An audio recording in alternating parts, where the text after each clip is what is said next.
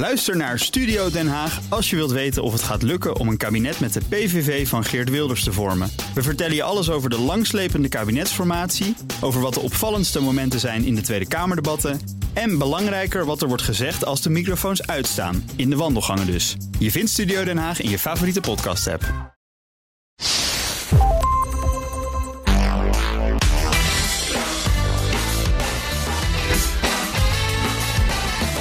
Welkom bij de Ben Tichelaar podcast. Elke week krijg je van ons input voor je persoonlijke en professionele groei. Als we niet oppassen, branden we door het thuiswerken helemaal op. Daarvoor waarschuwt Elke van Hoof. Elke is klinisch psycholoog, gespecialiseerd in onder andere stress en burn-out. Wat kunnen werkgevers en werknemers doen om thuiswerken juist tot een succes te maken voor beide partijen? Elke geeft raad in haar nieuwe boek Eerste hulp bij thuiswerken. Welkom Elke. Welkom, dank u. Dank u, Ben. Ja, zeg, uh, we spreken elkaar op afstand, want jij woont in België. En Belgen en Nederlanders mm -hmm. mogen elkaar in, niet in het echt ontmoeten op dit moment, hè? Absoluut, ja, een beetje vreemd natuurlijk, maar uh, dat is hier inderdaad al even de situatie. Ja, precies. Uh, de titel van je nieuwe boek is Eerste hulp bij thuiswerken. dat suggereert dat we in een soort noodsituatie verkeren. Is dat ook zo? Ja, absoluut. Hè, absoluut. Want er was even een moment dat ik dacht van oei, ik ga veel te laat zijn met uh, mijn boek rond thuiswerken. Omdat de situatie in België natuurlijk in september heel fel uh, positief leek te gaan lopen. Maar dan gelukkig hadden we dan weer een, een setback.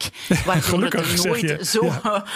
nooit zo belangrijk is geweest. Maar helaas moet ik daar ook nog wel bij zeggen dat we nog steeds in een noodsituatie zitten ook één jaar in de pandemie, waar thuiswerk toch heel erg is ingeburgerd, zien we wel uit de cijfers dat voor meer dan de helft van de bedrijven het nog altijd gewoon het kopiëren is van het werken zoals we dat anders doen op de werkvloer, maar nu gewoon vanuit de thuissituatie. En dat is bijzonder nefast. Dus ook als we straks misschien wel weer naar kantoor mogen, maar ook veel mensen waarschijnlijk blijven thuiswerken, dan moet er toch echt nog wel een hele hoop gebeuren om de situatie te verbeteren, begrijp ik. Ja, absoluut, absoluut. We zien nu dat er toch een derde van alle organisaties is die zegt van kijk, dat, dat thuiswerken, dat, is hier een, dat wordt een beetje, we gaan hiermee verder. Ja. Maar wat we daar nog wel missen, is dat ze daar dan een strategisch beleid rond bouwen. Want natuurlijk gewoon maar het, de werksituatie, zoals in kantoor kopiëren naar de living, ja, dat, dat wordt dan toch wel een heel negatieve situatie. Ja, hoe je dat wel aanpakt, daar gaan we het straks met elkaar over hebben. En eerst nog even benieuwd over hoe het thuiswerken door jouzelf wordt ervaren. Uh, is dat ook een noodsituatie in uh, Huizen van Hoof? Nee, nee, helemaal niet. Uh, bij, ja, eigenlijk vooral en zeker in de eerste fase een plezier. Hè. Ik ben natuurlijk als professor heel vaak uh, naar de universiteit in Brussel en het woon-werkverkeer van mijn woonplaats naar Brussel is best pittig. Dus dat, ja. dat mis ik op dit moment. Um, en uh, uiteraard daarnaast zat ik heel veel samen te werken met bedrijven waardoor ik enorm veel op de baan was. En ook dat mis ik. Dus voor mij was het eigenlijk een zeer positief gegeven. Zij wel uh, dat er natuurlijk bij mij ook een aantal uitdagingen zijn. En de belangrijkste uitdaging is dat je zo'n soort van um, zweem van flexibiliteit krijgt. Ja. Maar voor je het goed en wel beseft, ben je natuurlijk van acht uur s morgens tot acht uur s avonds uh, aan één stuk in conference calls. En dat is bijzonder nefast voor je eigen cognitief vermogen. Ja, en dus ja. dat is een uitdaging waar ik evenzeer mee worstel als de rest van de wereld natuurlijk. Ja, dat is dus wel herkenbaar. Ja, precies. Zeg, uh, je werkt veel voor bedrijven Hè, naast dat je doseert aan verschillende universiteiten, maar ook onder meer aan de Vlerik Business School en uh, heb ik begrepen ook aan de Vrije Universiteit in Brussel. Maar die bedrijven waar je voor werkt, hè, waar worstelen die mee? Wat zijn de problemen voor werkgevers op dit moment? Ja, de grootste problemen voor werkgevers uh, is kunnen asynchroon werken. Hè. Dat wil eigenlijk zeggen, um, thuiswerken zorgt voor flexibiliteit, maar niet, kan, niet iedereen kan op elk moment aanwezig zijn. En moeten ze dus zorgen dat iedereen wel geïnformeerd is over de noodzakelijke informatie heeft om zijn job te doen. En daar worstelen veel bedrijven mee. Hè. Bedrijven hebben nog altijd het idee dat iedereen live aanwezig moet zijn in meetings, omdat ze anders onvoldoende informatie hebben om hun job te doen. Ja. Dus dat is zeker iets waar ze enorm mee worstelen. En dan daarnaast iets ook bijzonder moeilijk voor hun is de alignering. Want natuurlijk uit het oog is uit het hart. Ja. En hoe meer mensen elkaar niet zien lichamelijk, hoe groter uh, de afstand. En hoe groter de afstand natuurlijk, hoe moeilijker de communicatie, maar ook hoe moeilijker het is om mensen bij u gebonden te houden aan uw organisatie. Dus raar maar waar, wat wij hebben zien gebeuren tijdens de pandemie, is dat er een enorme jobflexibiliteit komt, waar mensen beslissen om een bepaalde functie te verlaten, zelfs zonder een andere functie op het oog te hebben. En dat is toch een uniek gegeven, wat heel duidelijk weergeeft dat heel veel werkgevers worstelen met mensen aan zich te kunnen laten binden van op afstand. Ja, ik hoor het hier veel mensen ook zeggen, veel managers, hè, dat je de verbinding uh, wilt blijven zoeken of dat mensen op zoek zijn naar verbindend leiderschap. Dat klinkt dan altijd een beetje abstract, maar ik begrijp dus dat uit onderzoek blijkt dat mensen dus ook echt domweg gewoon hun baan dus opzeggen, omdat ze dus die binding met het bedrijf echt niet meer voelen. Ja, absoluut. Hè. Dus twee redenen. De binding met het bedrijf is zoek. En dan natuurlijk wat iets enorm intrigerend is, want dat, dat heeft een enorme opportuniteit, is dat in nieuwe onvertrouwde situaties de echte drivers naar boven komen. He, dus dat wil zeggen dat de echte waarden en normen bovenaan komen uh, lopen, waardoor mensen soms echt beslissen van kijk, waar het bedrijf voor staat, is niet waar ik zelf voor wil staan. En dus ga ik heel bewust kiezen om niet meer samen te werken met dit bedrijf. En ja. daar, daar worstelen bedrijven mee. Ja, absoluut. hoe, hoe komt dat dat dat naar voren komt in dit soort situaties? Wat is het mechanisme dat daarvoor zorgt? Ja, eigenlijk gewoon uh, het feit dat we verrast zijn geweest door deze onvertrouwde situatie. En meestal um, volgen situaties zich op en bouwen, stapelen die zo. Hè. Je een soort van cumulatief effect. En dan hebben we dat toch relatief in de hand. Hebben we het gevoel dat we toch enigszins controle hebben. Nu, de pandemie heeft de wereld op onze kop gezet. Ja. En wanneer er zoveel tegelijkertijd zo snel wijzigt, dan vallen eigenlijk alle maskers af. En dat, is, dat heeft een enorme opportuniteit voor mij als wetenschapper natuurlijk. Want dat is een bijzonder intrigerende periode om te zien van wat maakt nu dat uw ogen blinken. Maar geeft mij ook inzage in wat is hetgeen dat deze organisatie werkelijk drijft. Is dat de winst? Of is dat werkelijk het menselijke kapitaal? Ja. En waar natuurlijk, wanneer je face-to-face ziet, marketeers heel goed kunnen inspelen op de non-verbale signalen van hun publiek, hebben ze dat nu niet en is het veel, veel moeilijker voor een bedrijf om een boodschap te verkopen als die niet authentiek is. Net omdat we zoveel meer afstand hebben. Ja, de maskers vallen af. Dat is wel mooi gezegd. En dat betekent dus ook dat we eigenlijk nu ook zien uh, ja, of we dus echt bij het bedrijf passen waar we werken. En of de werkgever, waar het in dit geval om gaat, ook echt geeft om ons als werknemer. Ja, Absoluut. En wat is belangrijk om daar te, uh, ja, te onderstrepen, is dat het, het is de perceptie. Hè? Want dat is dan hetgeen waar werkgevers enorm mee worstelen. Want ik moet natuurlijk ook wel zeggen dat ik geen enkele werkgever heb gezien die een slechte intentie heeft. Wij hebben in onze contraien geen bedrijven die zeggen, oh, oh, ik ga nu eens een bedrijf opzetten om de mensen te couilloneren. Ja. Hè, te pesten. Dat is dan een heerlijk uh, nee, Belgisch woord, hè, couilloneren. Um, dat wil zeggen, mensen gaan pesten. Dat is natuurlijk ja. niet zo. Um, gelukkig maar. Hè.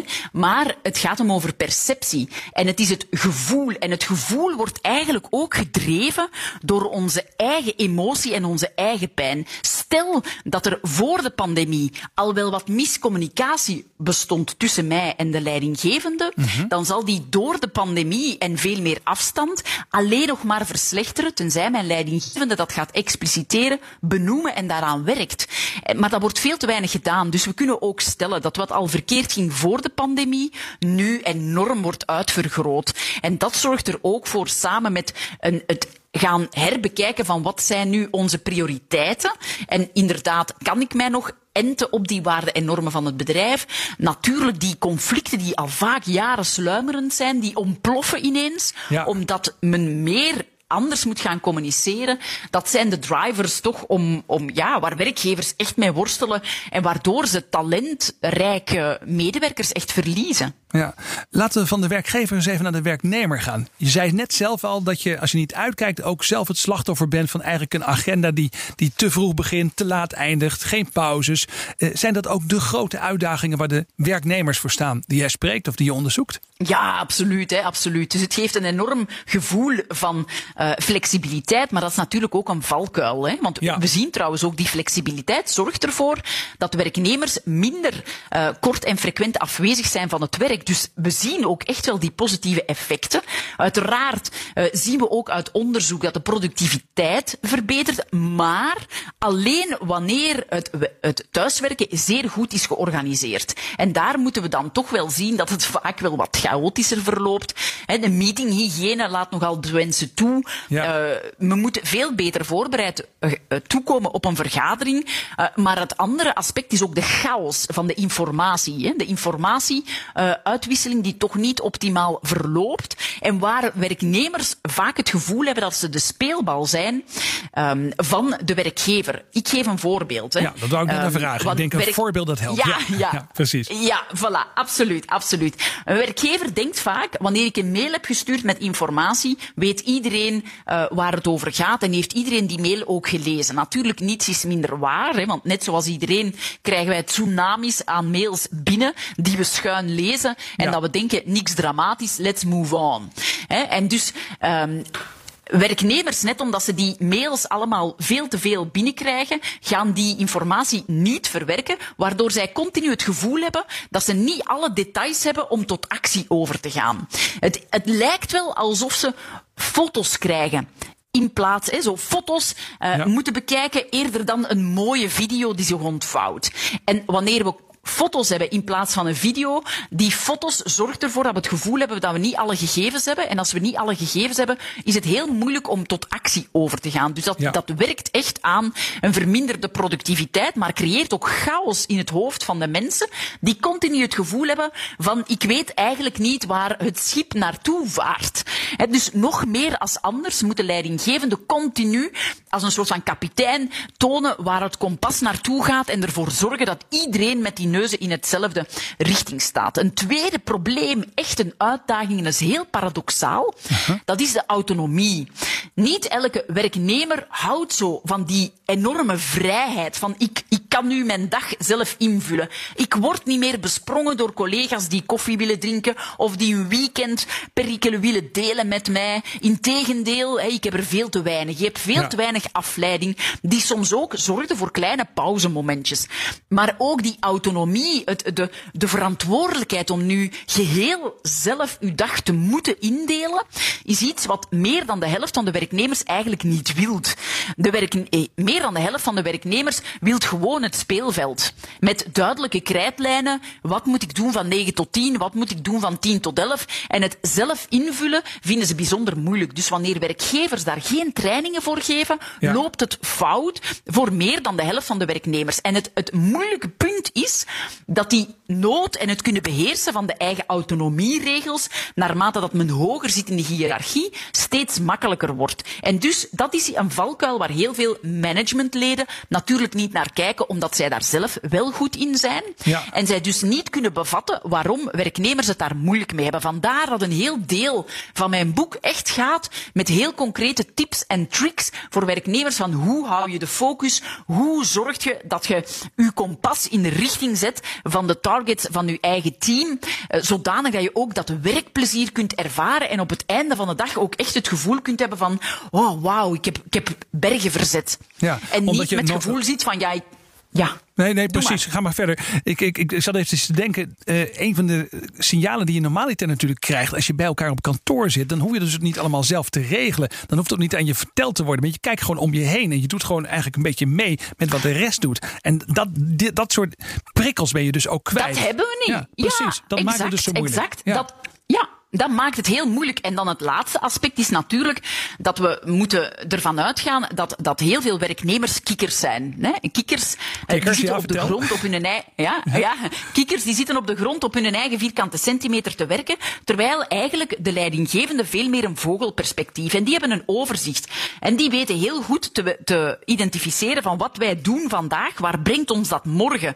Maar die kikkers vinden dat veel moeilijker. Dus wij moeten nog meer dan ervoor vragen van die vogels, van die leidinggevende, om naast de kikkers te gaan zitten. Waarom? Een vogel kan wel op de grond komen zitten, maar een kikker kan niet vliegen.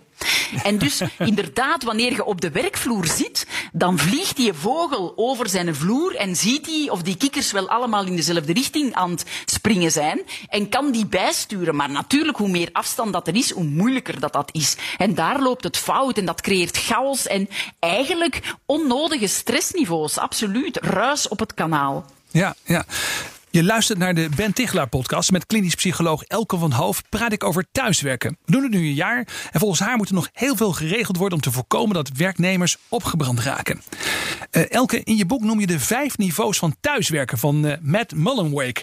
Uh, wat zijn die niveaus? Kun je daar kort iets over vertellen? Ja, er zijn vijf niveaus. Hè, gaande van Thuiswerk is een noodzaak tot het vijfde niveau. Hè. Thuiswerk is het nirvana, uh, waar eigenlijk uh, alles kan en alles mag. En de noodzaak is de, waar de meeste bedrijven op dit moment, zelfs één jaar in de pandemie, nog altijd zitten. Dat wil zeggen, noodgedwongen gaan we van thuis uit aan de slag. Ja. Um, maar hè, we, we laten het schoorvoetend Maar er blijft nog altijd wel een vorm van wantrouwen. Het niveau 2 is, we gaan thuiswerken. We, je moet niet, bijvoorbeeld nog niet um, altijd meer toestemming vragen, maar we gaan wel gewoon de kantoorwerking uh, kopiëren in ieders woonkamer. Ja, we ja. zetten hem wel al massaal in om tools. En dan natuurlijk het derde niveau gaat over het efficiënter gaan toepassen van, van die tools. Hè. Want er is natuurlijk nu een wildgroei van allerhande tools. Uh, zoveel dat werknemers door de bomen het bos niet meer zien. En op dat derde niveau gaan we echt heel efficiënt kiezen. Heel duidelijke uh, non-negotiable rules zetten van hoe gaan we communiceren, wanneer ja. zijn we bereikbaar en beschikbaar, zodanig dat er nog flexibiliteit kan zijn. En dan op stap 4 ga je vooral inzetten op dat asynchroon werken. Ga je vooral het vertrouwen naar voren schuiven, inzetten op een betere communicatie waar benoemd kan worden wat benoemd moet worden. Hè. Denk terug aan wat ik daarnet zei van die ruis op de communicatie, sluimerende conflicten. Op dat niveau 4 wordt er eigenlijk heel veel training gegeven om dat weg te werken, zodanig dat die kernelementen van flexibiliteit en autonomie door iedereen omarmd worden. Maar dat vraagt een opvolging en vraagt eigenlijk een nieuw type training. Maar op dat niveau 4 kan elke werknemer eigenlijk van om het even waar en wanneer werken. Dat wordt ook niet meer gemonitord. Ja. Er wordt vooral gekeken naar de targets. En dan op het vijfde niveau wordt er vooral geëvalueerd op basis van innovatie en creatie en het ondersteunen van elkaar. Want natuurlijk, wat we ook weten uit onderzoek, is dat thuiswerken en promotie een moeilijk huwelijk is. Hè. We gaan nog altijd promoveren uh, binnen een bedrijf naar een hoger niveau worden geschoven ja. door ons netwerk, door visibel te zijn, zichtbaar te zijn. En in dat nirvana hebben ze ook daar weer nieuwe systemen voor gevonden, zodanig dat mensen die thuiswerken een even grote kans hebben op promotie ja, in vergelijking ja, met mensen die op de werkvloer zitten. En zo zie je die vijf niveaus. En wat we dan zien uit ons onderzoek, is dat eigenlijk de meerderheid van de organisaties, dus meer dan 60 procent, blijft steken op dat niveau 1 en 2. Dus het is van de moetes en niet van de willens. En dat we eigenlijk nog veel te veel gewoon kopiëren zoals de werkvloer er eigenlijk uitziet, maar te weinig flexibiliteit, waardoor er te veel uh, stress, onnodige stress eigenlijk, wordt ervaren door de werknemers. Ja, ik begrijp hier in het boek staat een uitgebreide checklist waarmee je ook zelf kunt kijken op welk niveau je zit en ook wat je misschien moet doen dan vervolgens om op een hoger niveau te komen in die thuiswerkpyramide. En de cijfers die je nou net noemde, dus ongeveer 60% zit nog op niveau 1, dat zijn recente cijfers. Zijn dat cijfers voor Vlaanderen alleen, voor heel België of is dat breder gemeten? Dat is breder gemeten. Dat is eigenlijk breder gemeten in de Benelux, waar we op zoek zijn gegaan uh, naar hoe zit dat nu met die vijf niveaus en hoe zit dat nu met de tools en het effect op het uh, stressniveau van de mensen. En inderdaad, wat dat we zien is dat maar voor vier op de tien bedrijven thuiswerk echt al een strategische keuze is. Hè. Uh, en zelfs wanneer het een strategische keuze is, dat vooral de leidinggevenden en de organisaties dat aangeven, maar dat werknemers dat nog niet voelen. Die voelen zich nog echt verloren in dat, ja, die zien door de bomen het bos niet meer van, van al die tools en al die teams en zooms en wanneer ja. moeten we wat, wat gebruiken. En creëert nog veel te veel chaos. Zeg, um, je zou kunnen dus uh, spreken van een noodsituatie. Dat noemde in het begin al eventjes. Um, maar je zou kunnen zeggen, ja, als we in een noodsituatie verkeren, dan geeft dat ook kansen. Dan geeft het ook mogelijkheden om in de chaos misschien wel dingen op werkgebied echt helemaal anders te gaan inrichten. Waar liggen de belangrijkste kansen als je echt stappen vooruit wilt maken als werkgever in samenwerking met werknemers? Wat moet je doen?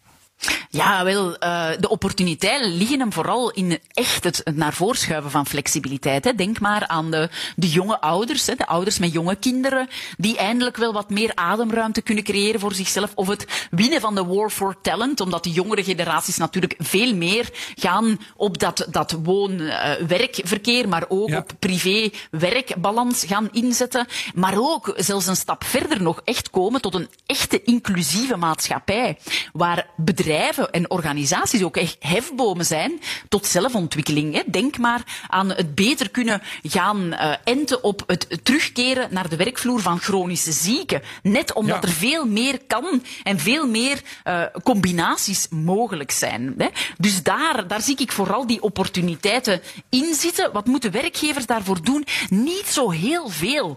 Eigenlijk moeten werkgevers starten met wat is onze visie op thuiswerken en daar ook gewoon heel eerlijk en transparant over zijn. Als je dat eigenlijk niet graag doet als organisatie, lieg er dan niet over. Ja. Zeg dat gewoon. En, en wees eerlijk. En zorg dat de perspectieven en de verwachtingen op één lijn zitten. Um, maar wanneer je dat wel wilt doen, werk dan een visie uit. En werk die visie uit over een aantal jaren. Want wij hebben het nu door die pandemie onmiddellijk moeten doen. Maar gun uzelf ook de tijd om een zeer duidelijke, stapsgewijze strategie te doen. Om te gaan van dat noodzaak naar dat nirvana over drie jaar en zet dan tussentijdse milestones, hè, mijlpalen om te bereiken. Dus ja. de weg daar naartoe is eigenlijk minder moeilijk en minder stijl dan dat heel veel organisaties eigenlijk ervaren op dit moment. Ja, ik vind het ook wel heel interessant, want dat perspectief nog niet eerder gehoord, maar dat je dus ook uh, je rekenschap ervan moet geven, dat je nu dan ook, als je dat uh, work from anywhere, zoals sommige mensen dat noemen, als dat dan echt ook realiteit wordt, dat ook groepen die misschien nu een afstand hebben tot de arbeidsmarkt, dat je dat ja, onaangeboorde potentieel ook veel beter kunt gebruiken. Dat is wel een heel mooi perspectief eigenlijk. Ja, absoluut. En dat is een van de grootste uitdagingen waar wij vandaag elke, elk land, elke uh, maatschappij mee worstelt. Hè, is hoe brengen we mensen met een, met een kwetsbaarheid? Hoe geven we die dezelfde kansen? Hoe gaan we die includeren? En hoe gaan we hun talenten ten volle inzetten? Ja, dat, dit, dit opent echt heel wat opportuniteiten voor zij die wat meer ondersteuning uh, nodig hebben. Of die wat, wat minder, um, minder druk aankunnen. Hè, doordat er net meer flexibiliteit en meer combinatie mogelijk kan zijn. Ja, zeg, um, we moeten naar uh, de laatste vraag alweer. En stel nou dat ik gewoon zit te luisteren en ik ben werknemer en ik ben inderdaad aan het thuiswerken. Uh, er staan ontzettend veel tips en ideeën in het boek, ook voor werkgevers, maar nu even voor die werknemer. Wat is nou iets heel praktisch waar ik gewoon morgen of misschien zelfs vandaag al mee zou kunnen beginnen om het beter te doen? Om het beter te doen is beweeg. Hè. Draag goed zorg voor jezelf en zorg ervoor dat je voldoende beweegt. Elke keer wanneer dat je beweegt, gaan eigenlijk de stresshormonen uit je hersenen. En mensen blijven te veel zitten op hun Dus zorg dat je kan afwisselen staan en zitten. Maar zorg ook bijvoorbeeld heel concreet dat elke meeting uh, één op één, dat je die al wandelen toe buiten samen met je smart device. Dus zorg voor meer veerkracht door beweging. En de tweede is, zorg voor focus. Zorg dat je momenten hebt, minstens drie per dag, van idealiter 45 minuten, dat je ongestoord kan werken. Dat alle afleiders uitgezet worden. Dat zijn de twee meest uh, efficiënte interventies dat je vandaag best implementeert. Ja, en dat moet je dus ook gewoon domweg gaan plannen in je agenda. Dus je zou nu al je agenda kunnen pakken en die ja, blokjes van onafgebroken werken, die focusblokken kunnen inplannen. En ook misschien al beweegmomenten of misschien vergaderingen waar je dus lopend telefoneert. In plaats van dat je steeds zit achter je computer met Zoom of Teams of andere dingen. Exact. Helder. Zeg ontzettend bedankt Elke van Hoof voor je inzicht en adviezen. Graag gedaan, met veel plezier. Dit was de Ben Tichelaar podcast bij BNR. Met als gast deze keer Elke van Hoof, klinisch psycholoog en schrijver van het boek Eerste Hulp bij Thuiswerken. Vond je dit interessant en wil je één keer per maand de beste tips uit mijn gesprekken en columns ontvangen? Ga dan naar tichelaar.nl slash BNR en laat je mailadres even achter. Dankjewel voor het luisteren en tot snel. Ook Bas van Werven vind je in de BNR-app. Ja, je kunt live naar mij en Iwan luisteren tijdens de ochtendspits. Je krijgt een melding van Breaking News. En niet alleen onze podcast Ochtendnieuws, maar alle BNR-podcasts vind je in de app. Download nu de gratis BNR-app en blijf scherp.